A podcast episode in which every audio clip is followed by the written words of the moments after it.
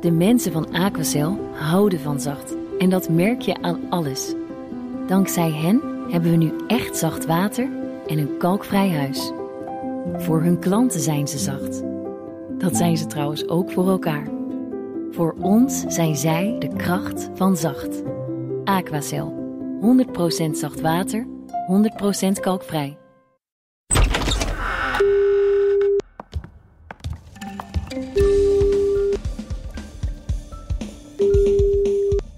Gaan even bellen met de Tweede Kamer, want ik ben mijn sleutels kwijt. Goedemorgen, Tweede Kamer met hostessen. Ja, hallo, met Sophie van Leeuwen van BNR. Hallo. Ehm, ja, goedendag. Is dit de afdeling gevonden voorwerpen? Ja, Heeft u mijn sleutels gevonden? Ik ben mijn sleutelbos eh, kwijtgeraakt. Ik denk afgelopen week. Ik kan al dagenlang mijn huis niet in. nee. Nee, ik ging net even kijken bij de beveiliging, ook hier bij ons, maar we hebben geen sleutels gevonden, helaas. Oh, wat jammer. Nee, we hebben wel heel veel sleutels, maar niet eh, die witte, met die die witte labels van de Berlijn, toch? Ja, oké, ja, Ja, niet mijn ja. sleutels. Nee, Shit. nee. Nee, helaas niet. Bedankt voor het zoeken. Ja, wel graag gedaan. Maar zijn er veel mensen die spullen kwijtraken in de Tweede Kamer? Ja, ja, heel veel. We hebben hier echt eh, soms dozen met gevonden voorwerpen. Wat zijn de raarste spullen die u vindt daar?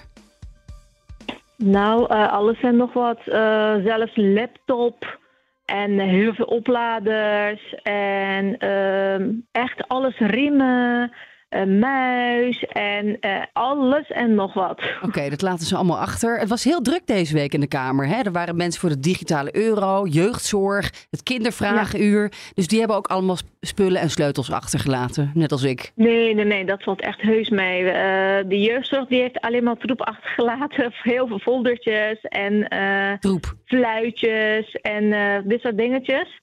En ja, voor de rest valt echt heus mee. Oké, nou, ik zou zeggen, fijn weekend. En eh, tot volgende week. Ja. Misschien komen mijn sleutels nogal terecht ergens.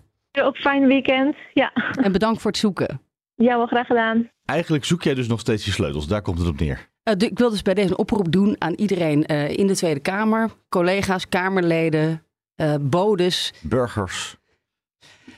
Als jullie een sleutelbos vinden, kom even langs bij het BNR-redactie. Want eh, waarschijnlijk eh, zijn ze van mij, Sophie. En eh, anders moet ik naar de sleutelmaker. Oké, dit is Nieuwsroom Den Haag van vrijdag 25 november. Met Sophie van Leeuwen, die je al uitgebreid hoorde. Weet je eigenlijk met wie je nou sprak net?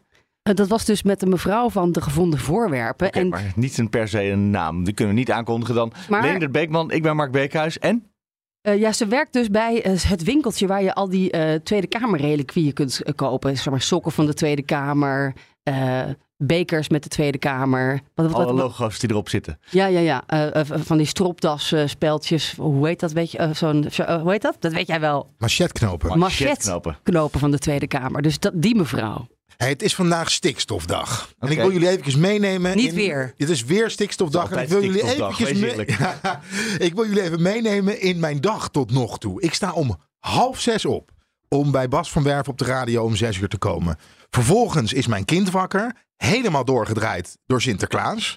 Die moet ik vervolgens naar de kinderopvang moet ik, eh, moet ik mijn kind brengen. Om half zes. Nee, nee, nee, dat was om half acht. Dan moet ik snel douchen, haasten, aankleden om op tijd in de bus te stappen richting Amsterdam.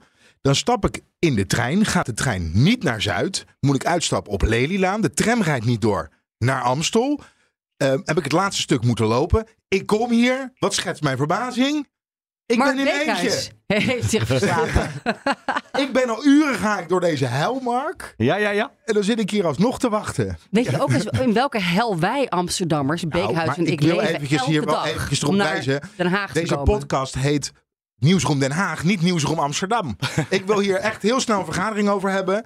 Eh, we gaan er of Nieuwsroom Amsterdam van maken, of de, de podcast gaat naar Den Haag Ik denk dat er geen 30 leden debat in zit voor jouw Nee? levens. Oh, oh, Nee, oh, ja. nee, ik vrees van niet. Volgens mij moeten we iemand bellen vandaag. Iemand die een plan heeft of had en eh, eh, dat vandaag wordt ingediend door het kabinet. Nou, zo zou je dat wel kunnen zeggen. Laura Bromet gaan we zo spreken van GroenLinks. Is Laura er al? Ja, ik ben er al hoor. Ah, oké, Laura. fijn. Hey. Ja, of mevrouw Bromet mogen we tutoyeren eigenlijk? Je mag alles, je mag alles. Nou, mag dan even de laatste stand van zaken meegeven? We krijgen zometeen een stikstofbrief van stikstofminister Van der Wal. En we krijgen iets wat op een perspectiefbrief moet lijken, richting een landbouwakkoord. Maar laten we even beginnen met stikstof.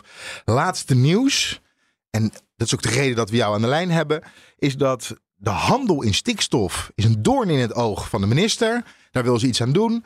En op het moment dat boeren hun bedrijf gaan verkopen, moeten ze, of andere piekbelasters, moeten ze dat eerst de stikstofruimte aanbieden aan de overheid. Zodat er niet meer vrij in gehandeld kan worden. Dat Schiphol het kan opkopen. Provincies. Cowboypraktijken. Uh, ja, de cowboypraktijken moeten voorkomen worden. Maar GroenLinks had dit, dit dus al voorgesteld op 1 maart in het NRC. Ja, en daarvoor al. Precies een jaar geleden heb ik dit uh, in de begrotingsbehandeling LNV uh, aan toen nog Carola Schouten voorgesteld. En toen veegde ze het meteen van tafel. Toen zei ze dat gaat veel te ver. Terwijl het helemaal niet zo ver gaat hoor. Want het is eigenlijk zo dat uh, stoppen zes boeren per dag in Nederland. En die boeren verkopen altijd hun bedrijf aan de buurman en hun rechten uh, om koeien te houden. En als je daar als overheid tussen gaat zitten, dan grijp je op een heel natuurlijk moment uh, in. Namelijk op het moment dat iemand toch al zijn bedrijf weg wil doen. En kun je voor zes boeren per dag kijken of je die uh, stikstofrechten of die grond of wat dan ook nodig hebt om uh, maatschappelijke doelen te bereiken. En die gaan nu naar snelwegen of naar uh, nou ja, een, een andere ja, boerderij? Schiphol, noem maar op. Iedereen die de, bouwprojecten. Ja, het is een hele ja, er is dus eigenlijk inderdaad, het Wilde Westen is uh, losgebroken. Er is ook altijd wel voorspeld dat als de stikstofruimte schaars is, dat daar dan uh, ja, de, de, de hoogste bieder krijgt wat hij wil. En dat is toch wel vaak een grote economische partij, zoals bijvoorbeeld Schiphol of Rijkswaterstaat, die een snelweg willen aanleggen. Terwijl ja, ik vind eigenlijk dat de politiek moet prioriteren welke belangen gaan voor. En volgens mij gaat het allergrootste belang is nu om de natuur te herstellen en moet dat uh, voorgaan. Het leidde ook deze week tot een revolutie in de, of een kleine opstand in de provincie. Toch? Ja, provincie, dit verhaal. Ja, Utrecht en Overijssel uh, boos op Rijkswaterstaat. Omdat er voor de verbreding van de A27, A12 um, zijn boerderijen uitgekocht. En ook boerderijen waar helemaal geen koeien meer waren. Die leeg stonden. En die stikstofruimte wordt dus gebruikt door Rijkswaterstaat om de snelweg te verbreden. Nou, vanuit provinciebestuur.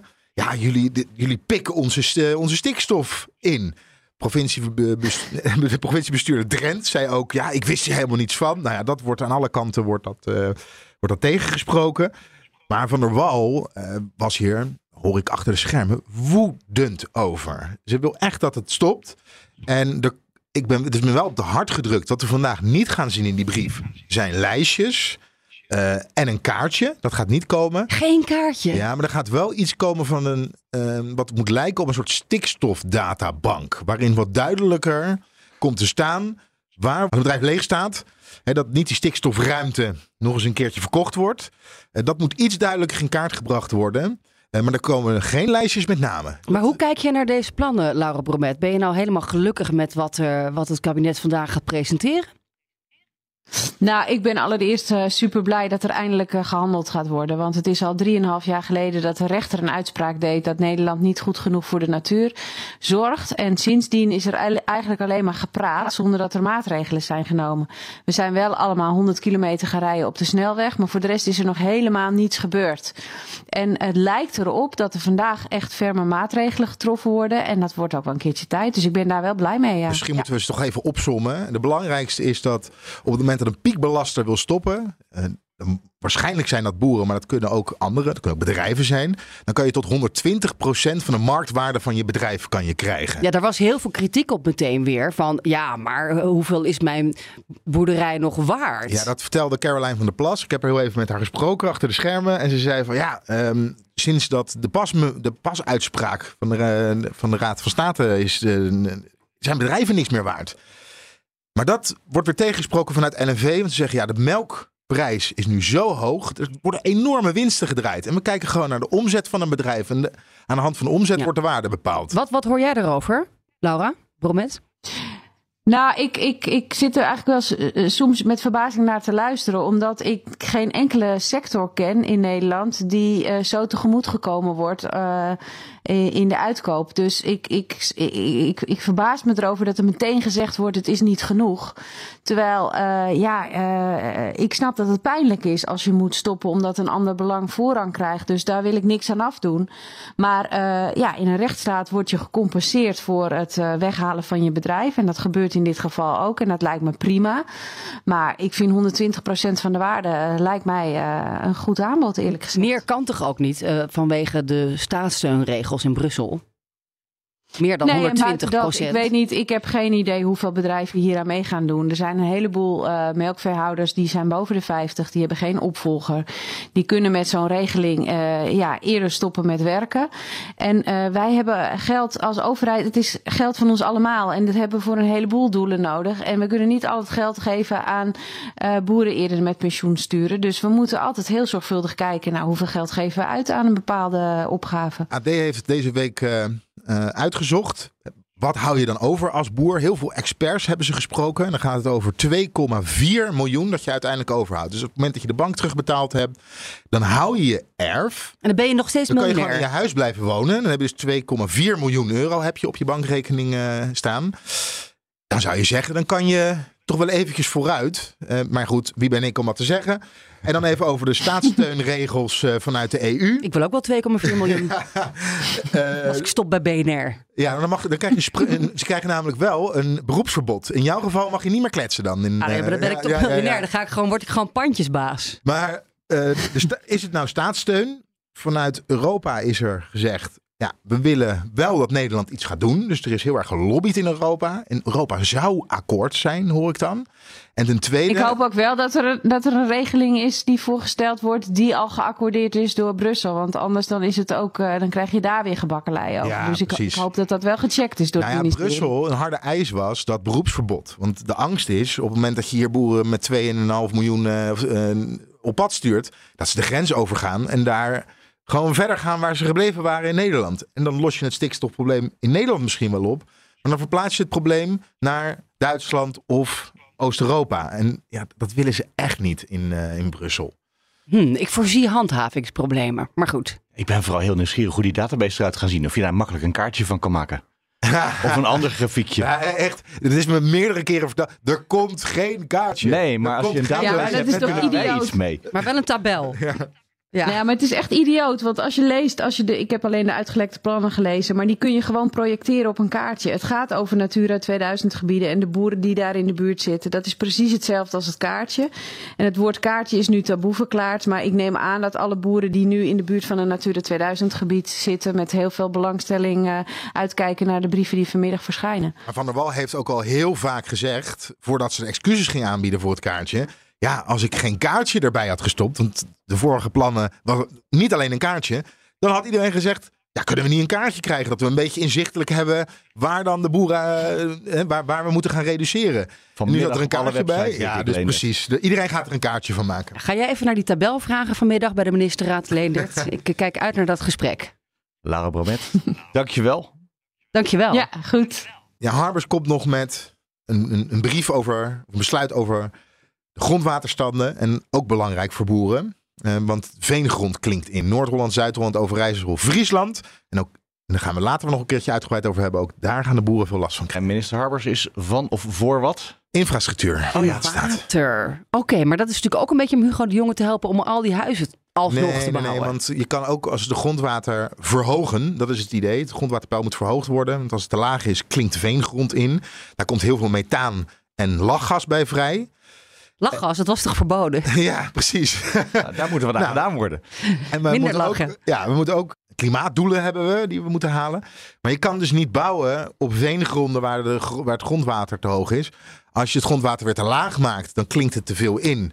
En dan krijg je funderingsproblemen. Dus ja, het is, uh, het is allemaal heel erg lastig. Mooi. Zullen we naar Qatar gaan? Nou, nee, sorry. Zullen wij niet naar Qatar Nou, gaan, maar het erover hebben? Ik wil toch even jou iets laten horen over minister Van der Wal. Die sprak ik uh, eerder. Waarom die stikstofbrief nou precies in die wedstrijd Nederland-Ecuador valt. Ik hoop dat dat toeval is. Dat is zeker toeval. Sterker nog, daar baal ik een beetje van.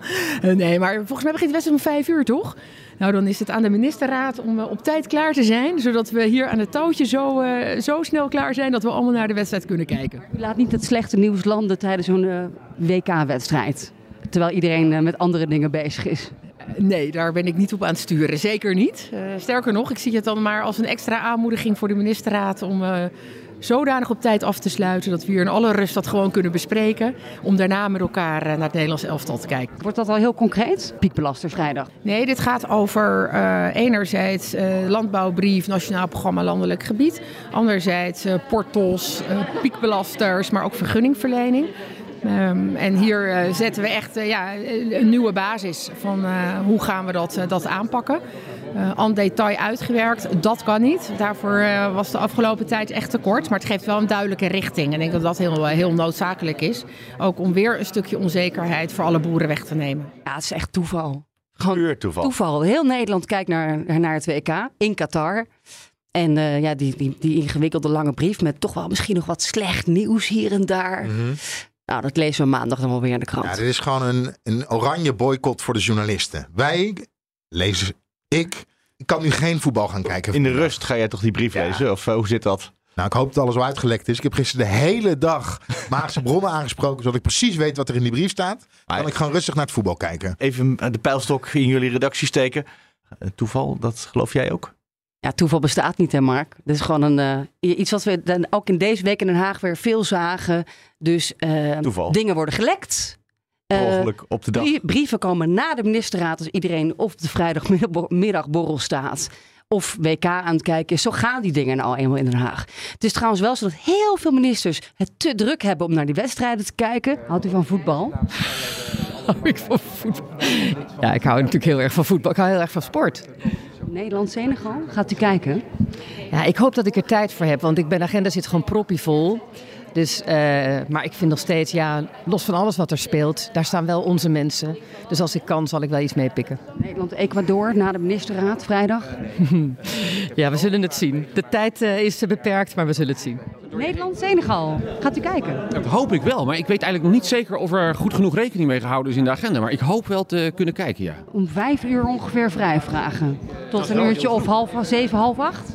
Dat is wel heel vroeg. Meestal werk ik geen halve dagen. Maar uh, ik ga kijken of er, uh, of er misschien iets mogelijk is. Of misschien een hele saaie vergadering. Dat ik ondertussen met een schuin oog zou kunnen kijken of zo. Houdt u van voetbal, uh, meneer Van den Burg? Absoluut. Wij zijn Ajax. Wij zijn de beste. Gaat u kijken? nee, ik ben aan het werk. Gaat u alle wedstrijden missen? Of u bent altijd aan het werk?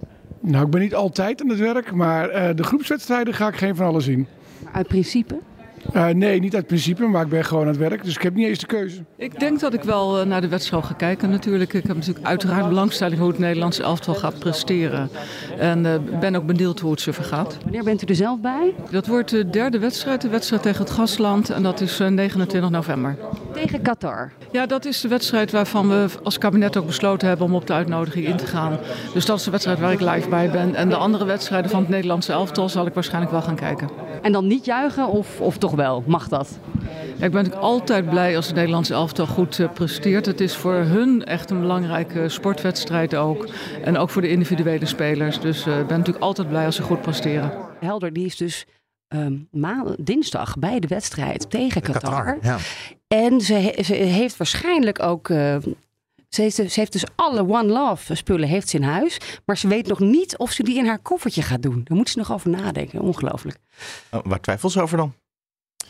Want je koopt niet alle One Love bandjes die je kan verzinnen om ze niet te dragen. Dus waar twijfelt ze over? Ja, over, over, onze, over, over onze gasbelangen natuurlijk. Toch onze vriendschappelijke Een Duitse band. minister deed het ook. En Ja, die heeft met veel grotere grote problemen met gas dan wij. Ja, de Belgen hebben het ook gedaan. Dus ik, nu zij gezien heeft dat er ambtsgenoten uit andere landen het gedaan eh, hebben. Ik denk dat ze nu wel de moed heeft om het ook te doen. Ja, maar goed, Louis van Gaal wil in ieder geval geen politieke gedoe meer. Gewoon voetbal Dat is kijken. trouwens wel een aanrader hoor. Ik heb gisteren die doc- documentaire over Louis van Gaal zitten kijken.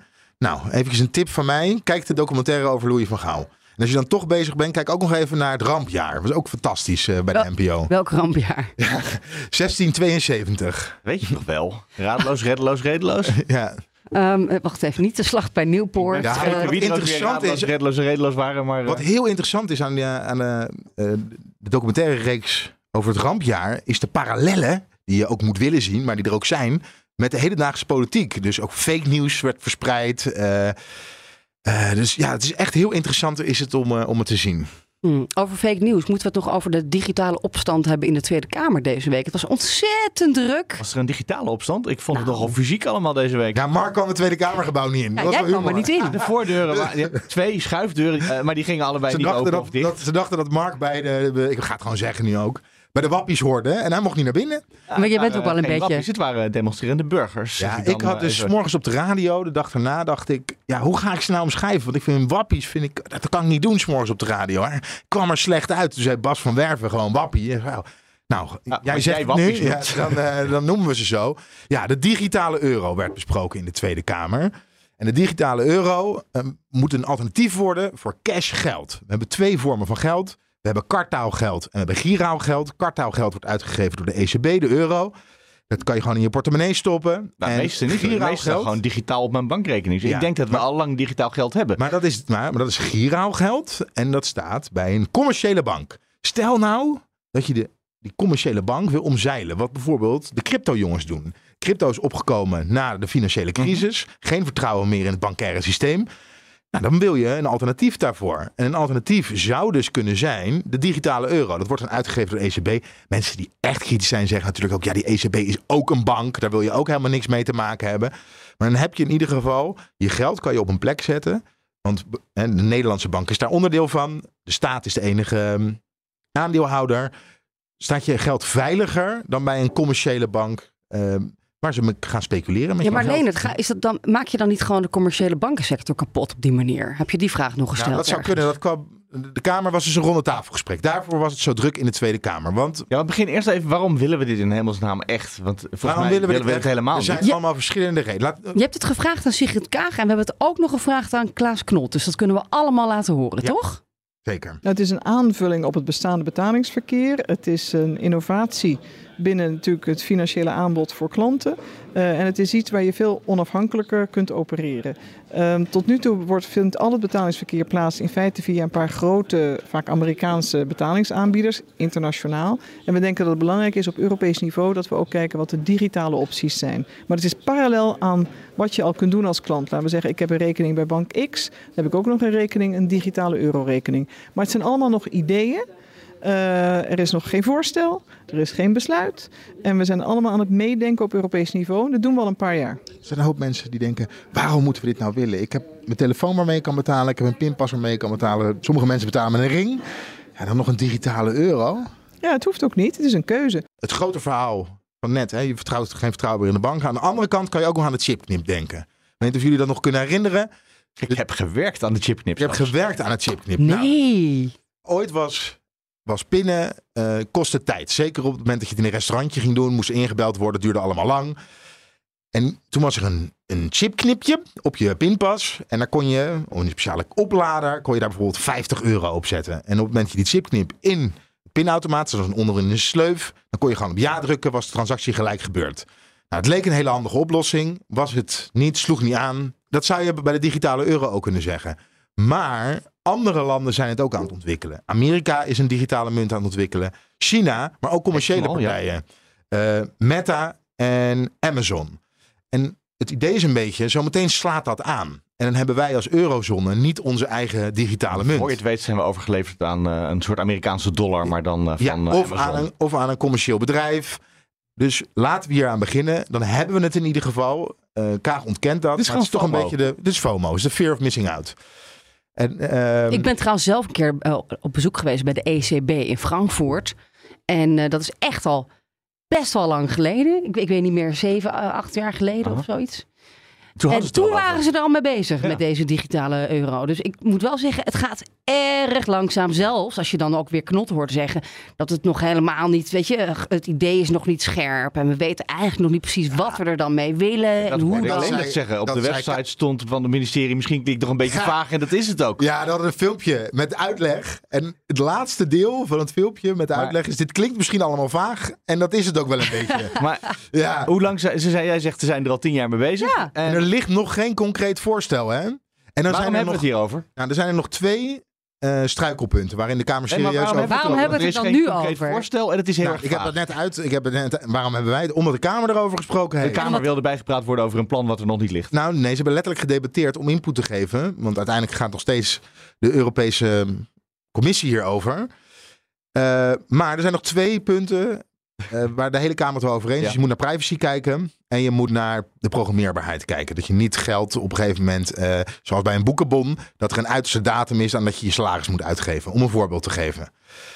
Eh, waar zijn nou de Ja, mensen die met massaal wil, naar wil de Tweede Kamer programmeerbaarheid, wat nou een van de weinige redenen is waarom je het zou kunnen willen, verbieden? Nee, want bijvoorbeeld dat je automatische hypotheek, want je kan eigenlijk bij een commerciële bank ook al programmeren zelf. Ja, gewoon automatisch. Hè, automatisch over. Ja. Dus het programmeren van je digitale geld. Ja, nou ja, nee, maar in dit geval is het, ik wil dit muntje op die dag daarheen laten gaan. Wat iets anders is dan ik wil op die dag een overboeking doen. En dat gaat soms mis als je saldo te laag is. Ja, een van de ideeën is dat je als consument wel je muntje kan programmeren. Bijvoorbeeld met, met, met, met overboekingen. Nou, waar zijn nou de, de, de mensen die naar de Tweede Kamer kwamen? soort van, nou, er werd echt gedemonstreerd, dus de, laten ze de demonstranten noemen. Waar, waren zij nou zo, waar zijn ze bang voor? Privacy. Hè, je hebt nu cashgeld. Cashgeld kan je opnemen. Daarna kan je met je cashgeld doen wat je wil. Kan de overheid niet zien waar je het uitgegeven hebt. En eh, kan je anoniem blijven. Hm. Als dat er blijft, is het niet erg dat er iets anders is wat niet privé is. Kaag benadrukt, cashgeld blijft. Zij geloven dat niet. Wat wel humor was, ik liep tijdens het debat naar het Statenlokaal. Het cafeetje van de Tweede Kamer. Ja. Maar dan kan je niet met cashgeld betalen. Dus, en ze stonden daar met koffie en, eh, en een koekje. Dus ik vraag, hoe heb je die dan gekocht? Nou, woedend. Ja, schande. En ik kan hier niet eens mijn geld uitgeven. En ik heb geld moeten lenen van iemand die een pinpas had. En eh, schandalig. En hier begint het al in de Tweede Kamer. Je kan zien welke kant we op gaan. Maar ja, ze, eh, de, angst is ontzettend groot. En het idee is, wat Sofie net zei.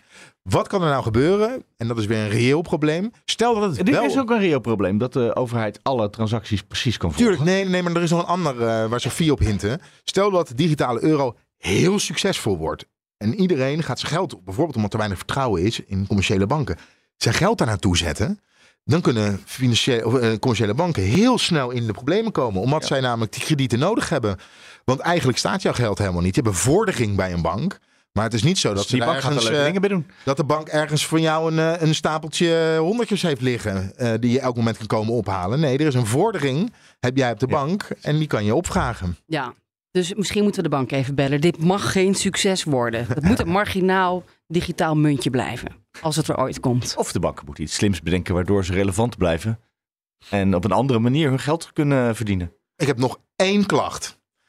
Pepijn van Houwelingen. Kom ik dinsdag tegen in de gangen van de Tweede Kamer. Forum voor Democratie. Forum voor Democratie. En ik vraag Pepijn van Houwelingen, omdat hij namelijk op de sprekerslijst stond. Pepijn, kan ik je even spreken over de digitale euro? Zegt hij, nee, dat doe ik niet. Overgegeven aan een eh, fractiegenoot. Wat schetst mijn verbazing? Hij zit vervolgens daar in de zaal. Tot op de puntjes voorbereid. Het boek van een, een, een SP'er, eh Alkaya, heeft een heel boek geschreven over digitaal geld. Boek gelezen, stapelpapieren, weer over het World Economic Forum. Citeert uit pagina nog wat. uit duidelijk voorbereid. Dus ik ben gewoon eh, in de maling genomen. Forum voor Democratie. Waarom wilde, die, waarom wilde die niet met jou praten? Ja, geen idee.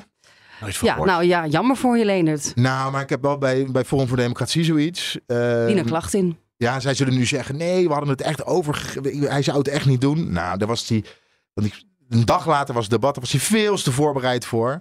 Dit is gewoon. eh, je wil, een- zegt, de pers wil niet met ons praten. Hè? We, Onze sanitair worden niet serieus genomen. Hm. Ja, maar ze wilden wel met de pers praten. Ja, Alleen niet met de alternatieve pers. wilde. Ja, buiten stonden ze natuurlijk weer met de alternatieve pers te praten. Ja. Oh, ik maar goed, dat is ook de reden waarom het er misschien ook over ging. Dit is eh, trending topic eh, op Twitter. En hè, de cryptomarkt is trouwens ingestort. Dus dat is natuurlijk ook nog wel een actuele aanleiding om, om het over digitaal geld te hebben. Ja. Eh, maar ook wel omdat ja, een, een- een- heel veel mensen op de socials eh, zich hier ontzettend druk om maken. En voor de deur van de Tweede Kamer. Ja, zeker tientallen. Want je denkt dan, dit is een hele grote demonstratie als we het er zo over hebben. Maar er waren tientallen mensen, niet veel meer dan dat.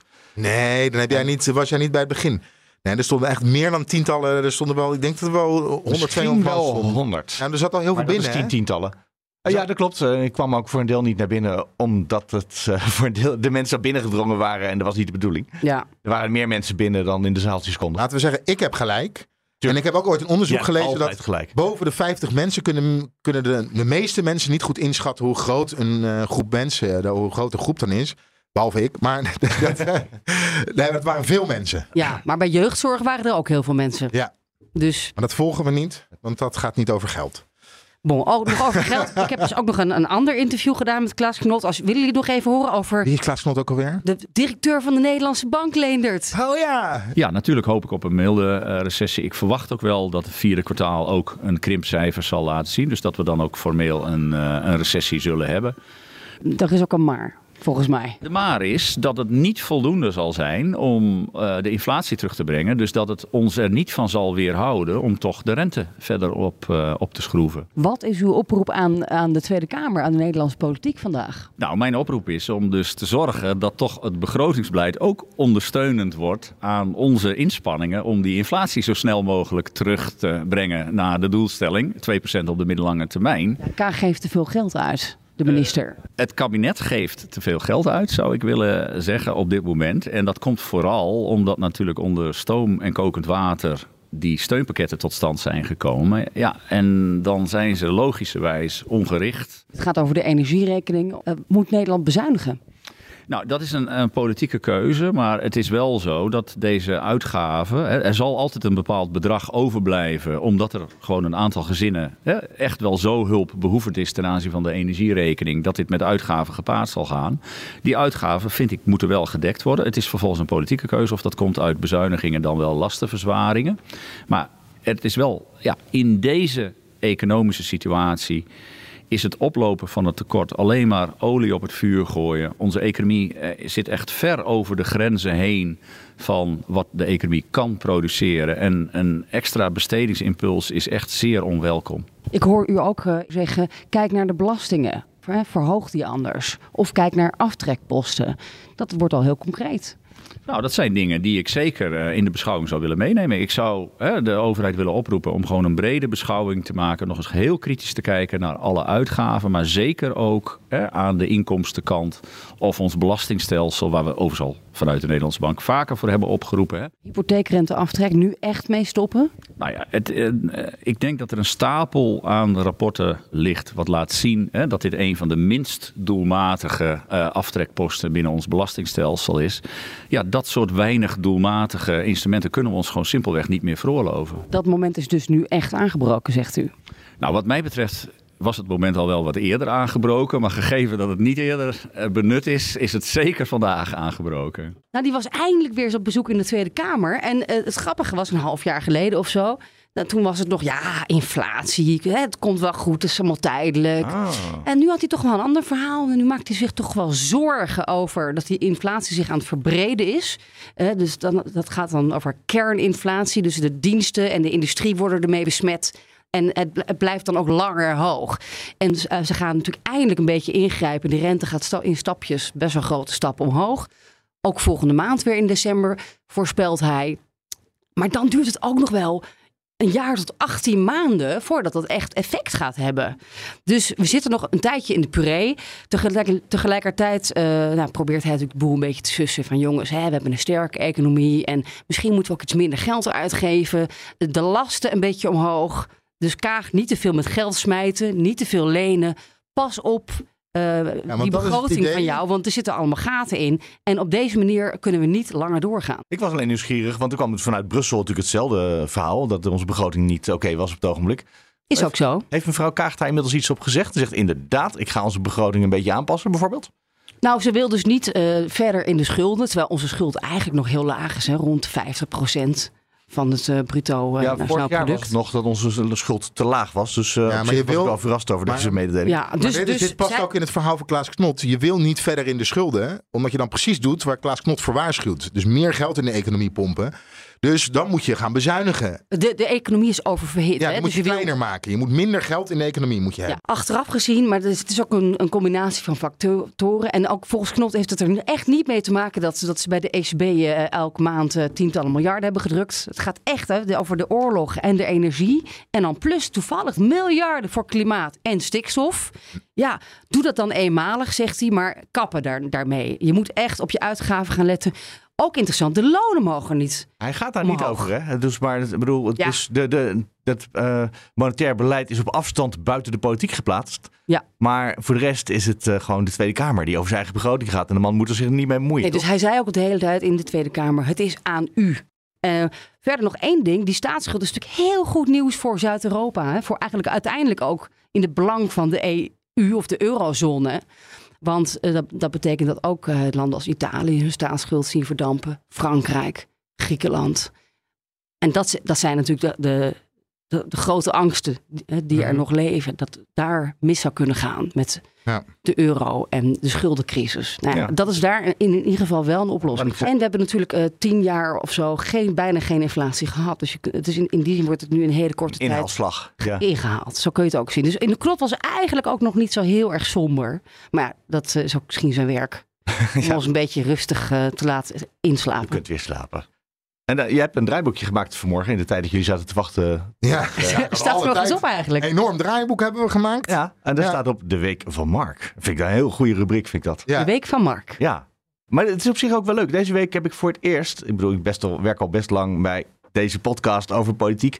Maar voor het eerst heb ik een, eh, een, een begrotingsdebat verslagen op de radio.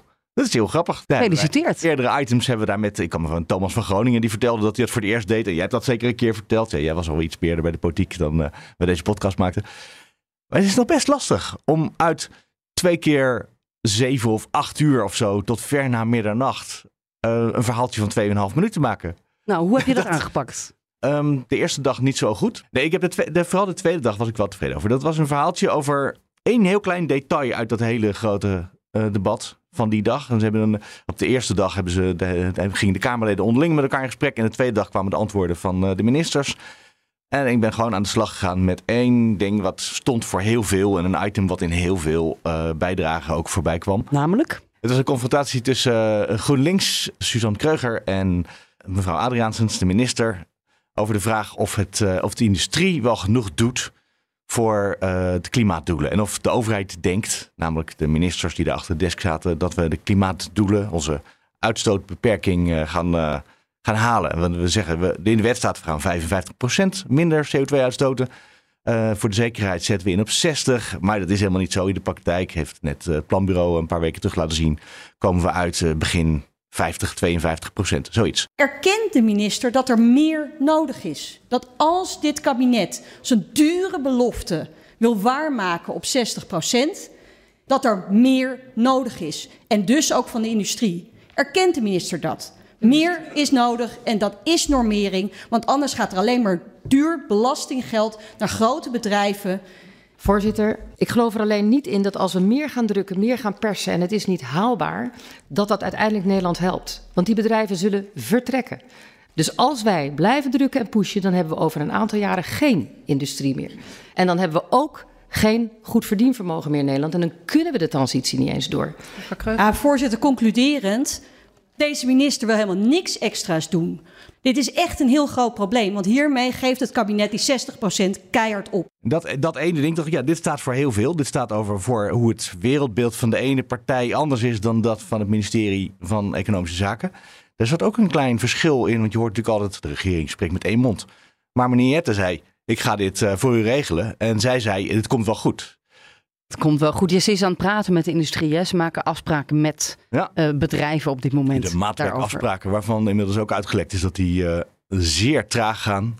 Veel minder snel dan iedereen had gedacht. En dat ook niet per se uitkomt wat, eh, wat nodig is. Maar jij vertelde ook op de radio dat in de CAF stond dat de industrie het juist hartstikke goed doet. De KEF, dat is jargon. Dat is de klimaat- en energieverkenningen. Ja, dat klopt. Die 60% die halen we zeker niet. Die 50 à 52% halen we misschien wel. Het kan ook 39% worden. En zit echt heel ver van die 55 uit de wet. Maar van alle sectoren is inderdaad de industrie nou net degene die het beter, ja, onge- die ongeveer op schema zit. Ja. Dat is wel Betekent nog best ste- ja. verrassend, eigenlijk. Ja, nou ja, maar dat betekent nog steeds wel dat de heel Nederland en dus waarschijnlijk ook de industrie toch meer moet gaan doen dan we tot nu toe weten. Of dat dat tot nu toe regels zijn. Maar dat ging eh Adriaans dus niet zeggen. En Jette zei van wel. Toen dacht ik, hé, grappig, hier zit een soort... eh, Partijkleur. Eh, ja, en de ene is eh, eh, vooral van de economie en de andere is voor klimaat. Ja. Eh, daar zit ook een verschil in. Hè? Maar het kabinet spreekt toch met één mond? Ja, dat zei ik net. Ja, Daarom vond ik ja. nou, dat was dus het verhaaltje wat ik uiteindelijk vertelde op de tweede dag. En ik had ook, eh, alle partijen gingen eigenlijk bijna alleen over energie en eh, een beetje klimaat en industriebeleid. Alleen de ChristenUnie, die ging ineens over eh, de pakketbezorgers. Wat natuurlijk ook in een, eh, een jaarbegroting van het ministerie van Economische Zaken gaan. En toen dacht ik, ja, dit is wel eh, fascinerend dat één partij die andere kant op gaat. Dat zou je ook als een leuk detail eruit kunnen halen. Maar dat heb ik dan weer niet gedaan. Nou, dat is hoe ik het gedaan heb. Uh, ik heb ook nog één ding meegemaakt deze week. Het ging over uh, Sinterklaas, of eigenlijk over Zwarte Piet en de demonstraties uh, daartegen vorig weekend in Staphorst. En dat leidde tot een, een relletje in de, de plenaire zaal met minister Jezilgus van Justitie. Ja, Sylvana was, was woest. Die was voor het eerst in haar leven geïrriteerd. Ja. Vertelde ze. Ja, precies. Sylvana is soms, Simon, sorry, is, is soms geïrriteerd. Nee, nee, nee. Ze is nog nooit geïrriteerd. En als ze geïrriteerd zou zijn, dan zou ze het erbij zeggen. En dat deed ze deze keer. Ja. Nou, laat het dan maar. Boos en woedend. Laat dat dan ook even horen. En ik sprak ook nog even in die wandelgang Jasper van Dijk van de SP over Piet of Zwarte Piet. Of nou ja, we hebben het er. Het is een jaarlijkse traditie. We moeten het er gewoon weer even over hebben in Den Haag. Nee, weet je, ik zou je zeggen, ik zag die uh, echte Zwarte Pieten uh, weer dit weekend voorbij komen. En ik schrok er gewoon van. Zo snel gaat het. Dat ik echt dacht, hè, maar dat is heftig. Dat is racistisch. En uh, dat komt dus omdat we gewoon de afgelopen twee, drie, vier jaar is Zwarte Piet helemaal verdwenen. In het uh, Sinterklaasjournaal? Zeker, wat ik dagelijks volg en wat ook erg spannend is. Titanic-achtige uh, situaties. Zwarte Piet moet uh, verboden worden, moet stoppen in Nederland? Nou, dat gebeurt dus al. Dat gebeurt op enkele gemeenschappen na, maar dat is eigenlijk net als de SGP. Die hoef je ook niet te verbieden. Maar die heeft heftige standpunten over vrouwen, over de doodstraf, dat soort zaken. Uh, maar je ziet, de Zwarte Piet is naar de marge verdrongen. De SP wil Zwarte Piet niet verbieden, of toch wel? Nee, dat, dat kan je als politiek de Zwarte Piet verbieden. Dat is net zoiets als Zwarte Piet verplichten, zoals Martin Bosma wilde met een wet. Stel je voor, zeg, dat zou idioot zijn. Uitfaseren. Ja, dat is afschuwelijk jargon wat BNR hier gebruikt. Maar vooruit. Uh, gewoon rustig uh, het gebouw, het pand laten verlaten. Niet via de schoorsteen. Ja, Sylvana Simons, Oh, zij, zij wordt... iets heel, dit klinkt alsof je iets heel onaardigs gaat zeggen. Nee, ik ga juist helemaal niet zo onaardig zeggen. Ja. Want hier in de, in de Tweede Kamer... Vrouwen wordt snel van gezegd... je gedraagt je hysterisch. Maar dat komt ook omdat het stereotype van hysterie... helemaal gebouwd is rondom vrouwen. Hè? Als, je, als je daaraan denkt... Hè, dat iedereen... dat, is, dat, nee, maar dat, is, dat is een stereotype in iemands hoofd. En je ziet dus ook, Fleur Agema kan ook uh, geïrriteerd raken. Nou, vrouwen hebben nou eenmaal dan een hogere stem. Uh, gaan wel sneller praten. Sneller praten zie je ook gewoon met mannen. Maar vaak worden wel dit soort momenten van vrouwen in een debat eruit gehaald. Dat valt mij echt op. En als mannen boos zijn, of wat, even wat, wat hoger gaan praten, dat klinkt dan gelijk niet zo. En het voldoet niet aan het stereotype van hysterie. Dan zeg je, maar dan wordt het veel en dan zeggen we, oh ja. goed dat hij eindelijk een keertje ja, tot de, precies, uh, de precies. mensen tot orde roept. En uh, ja, ik vind het, dit heeft wel een beetje, dit heeft wel met framing te maken. Um, alle sites stond Sylvana Simons op uh, en, en het fragment. En er werd niet gesproken over de inhoud, maar er werd gesproken over haar presentatie in de Tweede Kamer en hoe ze zich gedroeg. Ja, dat, dat, vond ik, uh, dat vond ik eigenlijk gewoon niet netjes. Daar moeten we als media echt op letten. Op de manier waarop we iemand neerzetten. Heb het dan over de inhoud? Ik wou het eigenlijk laten horen, dat fragmentje er net. Maar misschien moet ik het er niet tussen monteren. Nee, laten we dat niet doen. Oké, okay, nou, ja, dan weet je nu waarom je het net niet hoorde.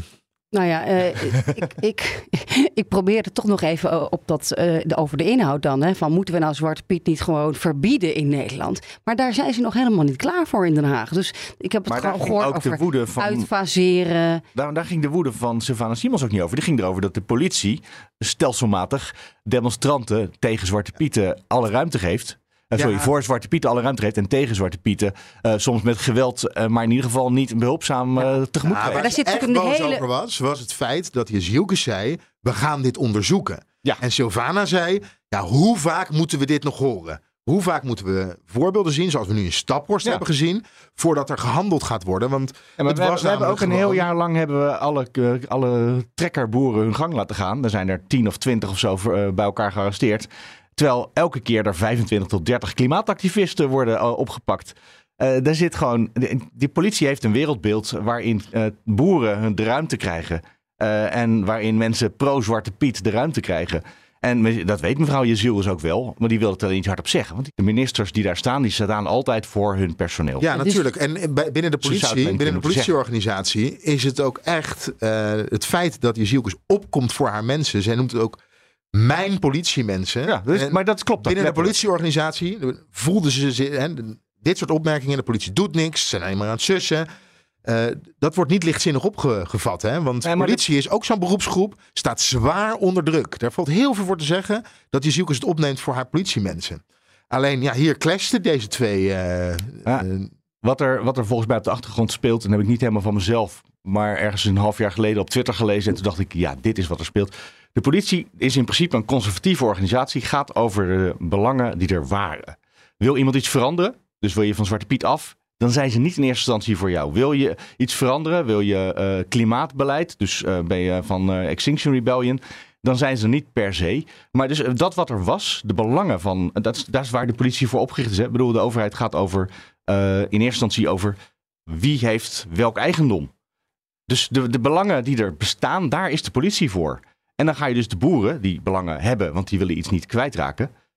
Die ga je. Nee, ga- nee ik vind dat echt. Ik bij- vond dat een boeren- heel diep inzicht toen ik dat, klopt. voorbij zag maar komen. het feit dat de boer op een, letterlijk op een groot wapen rondrijdt. Hè, eh, ik denk dat het de reden is dat het veel lastiger is om in te grijpen.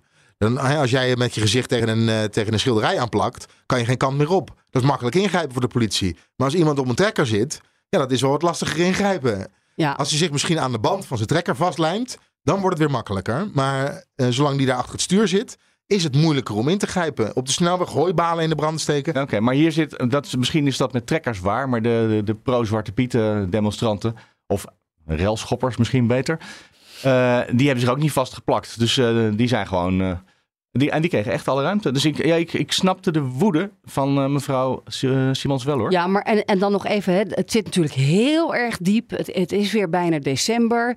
Eh, vandaag is ook bekend geworden dat het kabinet zijn excuses gaat aanbieden op allerlei plekken in het Koninkrijk op 19 december eh, voor het slavernijverleden. En terecht, zeg ik je even bij. Dus Maar dat is misschien- wij onze kleur niet laten horen, maar terecht. Ja, en dat heeft veel te lang geduurd. Is wel, denk ik, de algehele eh, opinie ook nu in Den Haag. Ehm, vorig jaar heeft Klaas Knot het al, gedaan, trouwens, op Kitty Kotti 1 juli. eh, De dag van de slavernijherdenking. Dus dat is echt wel weer een nieuwe stap naar van. eh, Moeten in andere landen, eh, hè, ik denk aan de UK, als, als blackface ehm, hè, op straat gaan. Dat, is echt, dat kan gewoon echt niet meer in deze tijd. natuurlijk dat, dat wordt gezien als Het is echt super racistisch. En, en, en beschadigend hè, voor een heel groot deel van de, van de bevolking en de burgers. Dus ehm, ja, ik ben wel benieuwd wat er dus na die excuses van, eh, van 19 december gaat gebeuren met Zwarte Piet. Heeft Zwarte Piet dan nog een toekomst? Of komen we misschien in een, eh, in een staat dat je, eh, je kunt ook rechtszaken aanspannen natuurlijk. Hè, van dit is racistisch tegen de gemeente Staphorst. Of Ah, ja, je kunt natuurlijk ook excuses wordt- Maar die als het activist... niet een rechtszaak van eh Ongehoord Nederland, eh, de publieke Ja, omroep, eh, die het Zwarte Pieterjournaal wil uitzenden. Dus ja, die, die rechtszaken zullen er vast komen. Nou, ik zie de reacties nu al op Twitter. En de reacties zijn... Oh, tijdens deze Ik- podcast komen er al reacties? Nee, nee, nee. nee Ik nee, denk nee, het wel nee. dat die er gaan nee, komen. De reacties eh, de- op het bericht dat excuses aangeboden wordt voor het slavernijverleden. Reacties zijn, ja, ik had daar niks mee te maken. En wat hebben mijn voorouders gedaan? Helemaal vanuit het ik gedacht. Ja. Maar het gaat niet om, eh, Jou. om jou. Het gaat niet om jou. En om de...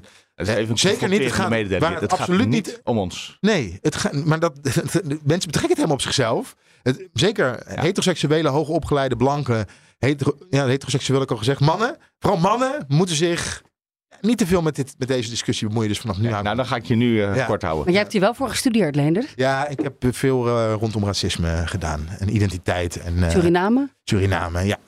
Zeker. Dus je bent wel een expert. Ik ben hier een expert in, ja, mag ik wel zeggen. Ja. In eh, racisme, in eh, nationale identiteit. In, daar kan ik wel het een en ander over vertellen. Zullen we een keertje een hele podcast aan gaan Ja, met uh, Sylvana Simons erbij. Ja. Gezelligheid. Er was voor de week een, eh, een bijzonder vraaguur. Ik bedoel, je hebt natuurlijk elke week op dinsdag om twee uur een vraaguur. Maar deze week was er ook eentje om één uur, zeg ik uit het hoofd. Half één. Half één zelfs. Het jaarlijkse kindervragenuurtje. En wat waren de vragen van de kinderen? Oh, heb ik later nog een woning, minister De Jonge? Ja, heb ik minister De Jonge gelijk naar gevraagd na afloop. Ik zie witte sneakers. Ja. Knoopjes open. Is het even voor het kindervraaguur wat, even wat vlotter? Nou, ik, eh, nee, dat is het niet. Ik eh, keek gewoon vanmorgen in de agenda en ik dacht, nou, dat kan ik wel maken vandaag. Maar vind je het wat of niet? Nou ja, het ziet er heel strak uit, moet ik wel, eh, moet ik wel zeggen. Ja. Ja, jammer dat je geen beeld bij hebt. Nee, dat is radio, eh, meneer De Jonge. Als je heel beeldend beschrijft, kan het misschien. U kreeg net de vraag, kunnen wij zo meteen wonen? Ja. Lang antwoord. Is het antwoord nou ja of nee? Het Kunnen wij een huis kopen? Het lange antwoord is omdat het een eerlijk antwoord is. Maar de vragen van die kinderen waren natuurlijk heel erg terecht. Eh, want ja, die grote zorg, die hebben wij natuurlijk ook. En eh, het antwoord is ja, maar niet zonder meer. Eh, want er zit natuurlijk ook een hele hoop tegen. Hè. Er is een hele hoop tegenwind. Ja, tegenwind. Ja, harder fietsen.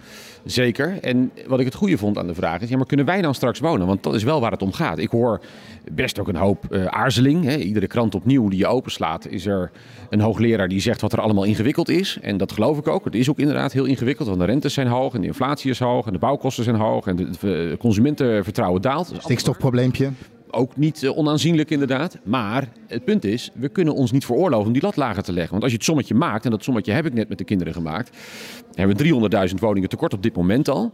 U ging wel snel hoor voor de kinderen. Ik dacht, uh, dat houden ze misschien niet bij. Het was groep 8. Ik heb zelf groep 7 gedaan. Dus uh, ik was altijd leraar van groep 7. Dus ik dacht, dit sommetje kunnen ze echt maken. 300.000 woningen tekort. 475.000 nieuwe huishoudens erbij. En dan nog 125.000 sloopnieuwbouw. Maakt samen 900.000. En iedereen die aan mij uitlegt dat het allemaal ook wel weer minder kan, vind ik ook best. Maar vooralsnog heb ik dat sommetje nooit gezien. En dit is het sommetje wat wel klopt. Die 900.000 hebben we gewoon nodig. En daarom moeten we ons niet te snel uh, neerleggen uh, bij uh, het feit dat het misschien wel heel erg ingewikkeld wordt. Ja, natuurlijk wordt het ingewikkeld. En dus moeten we, ja, wat ik zeg, harder trappen. Ze noemen ons kamerbewoners hè, hier. Ja. Wanneer kunnen wij terug naar huis? Wordt dat enorm uitgesteld zometeen? Wil je graag terug naar huis? Nou ja, nee, niet naar mijn huis, oh. naar onze Tweede Kamer uh, Binnenhof. Oh, zo. Nee, het klonk een beetje als ze wil opgehaald worden uit de ballenbak. Maar zo bedoel je het niet. Zo voelt het soms wel hoor. Voelt het soms wel, dat snap Nee, maar wanneer kunnen wij weer terug als Kamerbewoners ja, naar Binnenhof? Nou, ja, nou ja, wij, wij, uh, wij, uh, wij gaan wel door. Alleen het, is wel, het is niet makkelijker geworden natuurlijk. Hè. De, de, dus ook dat door de bouwkosten, maar, maar zeker ook door de stikstofuitspraken. De bouwvrijstelling die is komen te vervallen.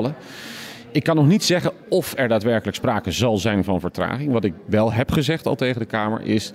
ik ga opnieuw bekijken of al die termijnen die we ons hadden gesteld... of die haalbaar zijn. Dat ga ik de komende maanden doen. En dan meld ik mij terug met een planning. Eh, met hopelijk dezelfde einddatum. Maar of dat ook daadwerkelijk gaat lukken, dat weet ik niet. Nou, misschien kunnen wij dus ook nog terug naar het Binnenhof ooit... Hè, als Kamerbewoners. En ik vroeg Bergkamp ook nog eventjes... was het nou wat prettiger om bij de kinderen voorzitter te zijn... of in je eigen kamer? Ik heb een vermoeden wat het antwoord zou kunnen zijn. Mevrouw Bergkamp, het is eigenlijk een hele nette groep die u ineens voor u heeft. Eén keer per jaar hebben we het kindervraaguur en het is uh, eigenlijk altijd een groot feest. Voor de bewindspersonen, voor de, voor de kinderen die meedoen en ook voor de voorzitter. Uw eigen kamer wordt wel eens een kleuterklas genoemd, maar deze kleuterklas gedroeg zich in ieder geval wat netter. Het was volgens mij geen kleuterklas dit. Nee. Ze waren wat ouder. Ja, maar u snapt wat ik bedoel. Dit was. Uh, ze waren goed uh, getraind en geoefend. Het was keurig, absoluut. Zou je het wel vaker zo willen, dat het wat, wat makkelijker allemaal ging? Dan had ik de Pabo moeten doen, denk ik. Nee, maar even uh, alle gekheid op een stokje. 98% van de debatten gaan bij ons ook gewoon heel netjes en waardig. En die zouden wel iets meer aandacht mogen krijgen, ook in de media. Ja, dat doen we wel. Maar, maar nog eventjes van, vindt u het prettig hè? dat het op die manier gaat? Netjes de bewindslieden aanspreken? Nou, het is zo ontzettend leuk om met kinderen gewoon zo'n debat te hebben. Dat, dat is heel puur. Het is heel... Hè, primair. Uh, en je merkt het ook dat we allemaal een beetje wat, wat warmer en persoonlijker met elkaar dan omgaan. Dus het is, maar het is niet te vergelijken natuurlijk met een, uh, een ander debat. Maar het is heel erg leuk om te mogen voorzitten. Het was een goed debat. Het was een goed debat. Dank je wel. Mooi. En wij hadden zelf nog stagiaires. Oh, onze snuffelstagiaires. Onze snuffelstagiaires waren erbij. Ja. Heel gezellig was het. Leuk dat jullie er waren. Enna en Melanie, onze eerste twee snuffelstagiairs. Leuk dat jullie er waren. Ga je nu elke week een recensie van de stagiairs doen? Nee, dat gaan nee, we niet doen. Maar we krijgen dinsdag weer twee snuffelstagiairs. Ik weet even niet uit mijn hoofd uh, Eén, één krijgen we daar. Ik was dus afgelopen weekend, hebben we het helemaal niet over gehad, het VVD-congres. Oh, daar wil ik, ik nog wat aardigs over zeggen. Ja. ja, ik was op het VVD-congres en dan kwam, ik, kwam een jongen naar me toe die zei... Binnenkort ben ik een van jullie snuffelstagiair. Nee. Ja, dus ik heb volgens mij is het aan aankomende week. Dus ik uh, heb er alweer eentje. Ik had er eentje je, weet je, al, je weet al wie er langskomt. Ik weet al wie er langskomt. Ja, ik kan zijn, zijn naam ben ik vergeten, maar zijn gezicht. Ja, ik zou allemaal ja, duizenden. duizenden ja. ja. Dit voelt wel een beetje. Ik weet niet of ik het hier helemaal mee eens ben. Waarmee? Met, nou, dat we dus nu, die langskomt. Dat we nu dus een politici uh, als, die stage gaan lopen en dan uh, precies in, een kijkje in de keuken van hoe wij aan onze informatie komen. Nu ga jij weer lopen voeden, hè? Dat er, dat er iets aan eh, gaande is. Nee hoor, bij ons. Iedereen mag komen kijken. Ja. Iedereen mag komen kijken. Oh ja, Alles is transparant en open. De meest open podcast Ja. van Nederland. En volgens mij was NH verbonden aan GroenLinks op een of andere manier. Dus ja, dat, eerst eh, SP Oh. en daarna GroenLinks. Ah, zie Nou, heb wel een heel leuk gesprek dus, eh, en met daarna de. VVD. Dus dat ik denk dat we ook daar een soort eh, balans in zoeken dan in onze luisteraars. Ja, precies. Oké. Maar trouwens, want jij zei ik was bij de VVD. En ik hoorde Mark Rutte excuses maken voor hoe hij zich had opgesteld bij het vorige congres eh, in het stikstofdebat. En dat hij zijn partij niet had serieus genomen. En dat een debatpartij, en dat sowieso dat een debat heel belangrijk was. Ja, toen zat hij weer thuis. Toen zat hij weer, oh, oh Mark. Oh, hij vond zichzelf weer heel zielig. En dan praatte hij tegen zichzelf. En dan noemde hij zichzelf Mark. En als ik zeg debat, dan wil ik wel tegen jullie zeggen dat ik na dat vorige congres ook wel even een moment van reflectie had. Want natuurlijk is het leuk om te zeggen er moet debat zijn, totdat het ook een keer gebeurt. En dat was niet mijn sterkste moment. Daar heb ik ook wel over nagedacht. Want ik denk dat het wel heel goed is geweest wat er gebeurde in juni. Dat we ook laten zien dat uiteindelijk deze partij niet beheerst wordt door een paar mensen. Maar dat we met z'n allen hier gewoon allemaal one man, one vote, één stem, na discussie de besluiten nemen. En eh, nou, dat wat, wat, wat zwakke moment, de eerste dagen daarna, toen ik thuis enorm zat te pruttelen. Ik heb het al zo moeilijk in die Tweede Kamer 20 partijen. Nou begint die eigen partij ook nog moeilijk te doen. Wat denken ze wel? Dat was niet zo sterk. Ik ben er eigenlijk heel erg blij om. Het was een heel goed congres. Daar ben ik eigenlijk heel erg trots op. Maar ik dacht, ik ga even terugzoeken wat hij dan de vorige keer tijdens of het partijcongres of misschien tijdens het eerstvolgende debat gezegd heeft. Ik kon helemaal niks vinden, behalve een heel klein stukje dat hij zei. Morgen hebben we inderdaad een debat in onze, dat was tijdens de vrijdagse persconferentie. En zei hij, ja, wordt vast een heel moeilijk debat. Maar ja, we kunnen eigenlijk niet zoveel. Wat zou ik zeggen? We kunnen niet zoveel. Ging om stikstof toen de tijd. Ja, de maar dus een- stikstofmotie. inmiddels had hij dus een jaar later besloten dat het, eh, hij kon misschien al wel niks destijds, maar dat hij dat wel, dat hij zijn, dat een debat moest omarmen en dat het heel fijn was dat het er was. En toen dacht ik, ja, maar wacht even. Vorige week vrijdag, één week eerder dan dat hij zei, ja, maar ik heb er diep over nagedacht en geleerd dat debatten heel belangrijk zijn. Hij is werkelijk een half uur doorgezaagd door eh, alle collega's over de asielwet. En zei hij, ja, maar een debat kunnen we gewoon niet voeren natuurlijk. En dan zou ik eigenlijk in de details moeten gaan wat er in mijn hoofd zit. En dat ga ik niet doen, omdat ik nogmaals over timing en het lijstje waar ik aan denk en het interne proces in het kabinet u niks ga vertellen.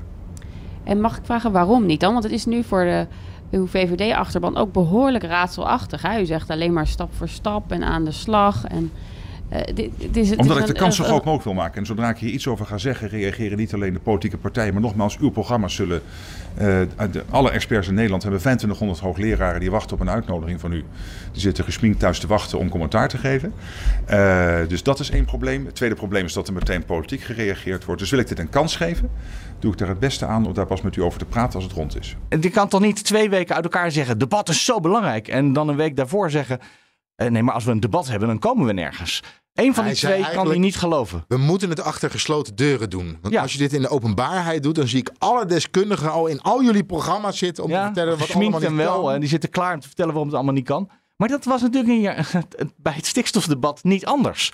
Je kan niet zeggen, ik omarm het debat. En aan de andere kant, nee, maar een debat is onmogelijk. Ja. Eén van die twee moet je niet zeggen. Ja, maar die Zwarte Piet transformatie heeft Rutte ook best wel snel gemaakt. Toen ik Maar hier kwam in Den Haag. week. Dat is letterlijk toen- zeven dagen ja, uit elkaar. Ja, Ja, en wat de vorige, het vorige partijcongres mis is gegaan, eh, is de foto na onder andere de beeldvorming. De, de motie was aangenomen. De, de Tweede Kamerfractie moest opnieuw over stikstof uit, gaan ik heb geen zin in een Ja, debat. toen zaten, zaten Van der Wal, Rutte en Sofie Hermans nou, te neergeslagen naast elkaar. Nou, die foto's kunnen we allemaal herinneren. Op de in eerste krant, rij. Op de eerste rij. Nu zijn ze niet bij elkaar gaan zitten. Dat was heel opvallend. Mark Rutte zat wel bij het podium. Maar bijvoorbeeld eh, eh, Van den Burg, hij stond gewoon bij de journalisten, zodat hij gelijk ook geïnterviewd kon worden. Maar alle bewindslieden en Kamerleden waren allemaal door de zaal gaan zitten, zodat er, in mijn ogen is dat de reden, niet één foto kon komen met alle kopstukken van de VVD bij elkaar, met wel of geen teleurgestelde Ja, gezichten. moeten we even morgen goed opletten, want zaterdag is het ChristenUnie-congres en dat gaat natuurlijk ook weer helemaal over asiel, hè, migratie, ook arbeidsmigratie. Moet even goed opletten of zij dan ook eh, deze truc gaan dat ook-. Ja, er was nog iets met het, eh, met het congres. Waar ze, hadden, ze hebben altijd, dat is bij de VVD echt gebruikelijk, een katheder op het podium. En daar staat iemand tegen de mensen te praten. D66 deed dat gewoon, want die doen dat ook altijd. Maar deze keer, Mark Rutte stond tussen de mensen. Mhm. Zoals Hij deed GroenLinks het altijd hoofd. Dat deed. was knap hoor. Ja, oh, dat, dat, maar dat kan niet. Eh, dat hebben we hem eerder zien doen. Eh, onder andere de olifant in de kamer eh, speech was ook gewoon uit het hoofd helemaal. De volle, wat was het, 40 minuten of zo. Maar hij stond dus tussen de mensen. En er was even het beeld ontstaan dat je de partij en de partijtop hebt. Maar dat moest niet een beeld zijn wat wij meekregen van dit partijcongres. Mark ging tussen de mensen staan. Ja.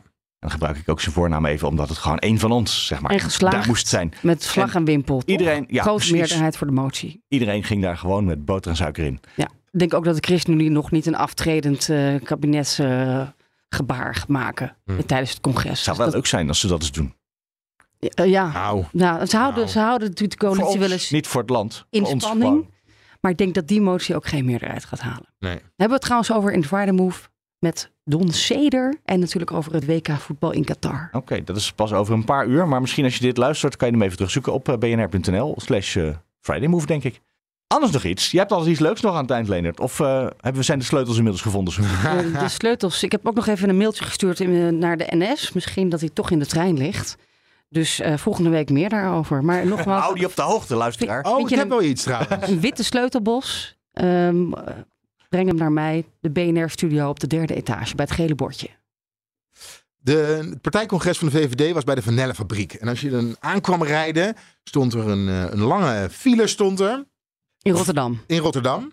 En, en bij de poorten stonden eh, boeren te toeteren op een tractor. Of trekker. Ik vergeet altijd wat je, wat je moet zeggen. En voor mij reed een, eh, een, een, een Porsche. En achter me reed een BMW geloof ik. Of een Mercedes. En ik was... Jij kwam met een? Ik kwam met een echt... Hij zit met duct tape aan elkaar. Een, eh, een Skoda Octavia. Ik dacht hij in één Echt? ging zeggen. Ja. Rij je daarin? Ja, ik rijd daarin, ja. Oké. Schandalig is het. Een, een, een rijdende vuilnisbak. Tussen de Maar- Mercedes en de Porsche. Eh, ja, ik, ik parkeer de auto helemaal achterin. Ik loop richting die Vanellenfabriek.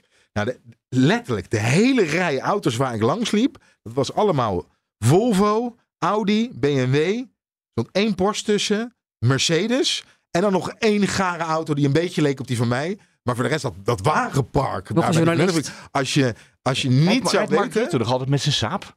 Ja, misschien. nee, Die heb ik, ik heb niet zeggen de gare saap van. Het was geen gare saap. Maar als je niet zou weten wat daar gaande was, zou je wel een redelijk goede gok kunnen doen.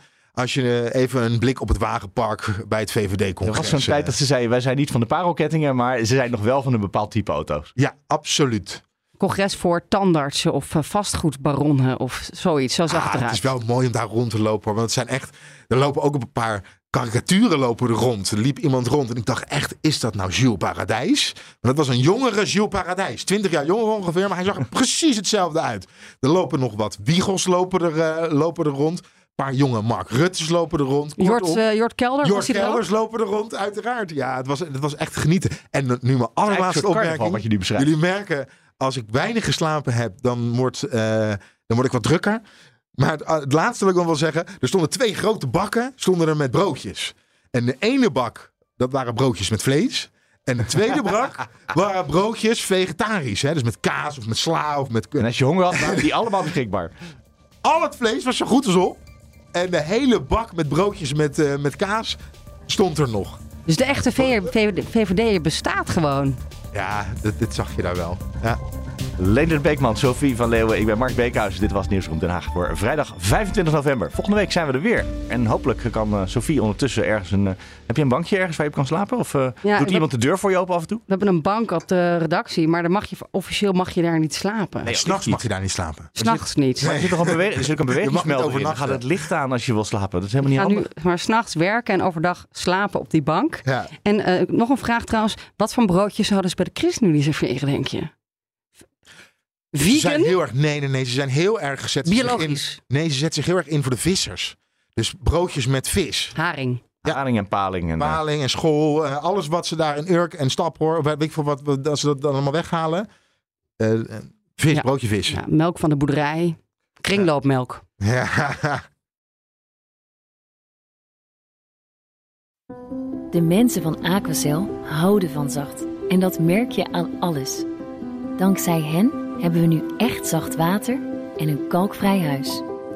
Voor hun klanten zijn ze zacht. Dat zijn ze trouwens ook voor elkaar. Voor ons zijn zij de kracht van zacht. Aquacel. 100% zacht water, 100% kalkvrij.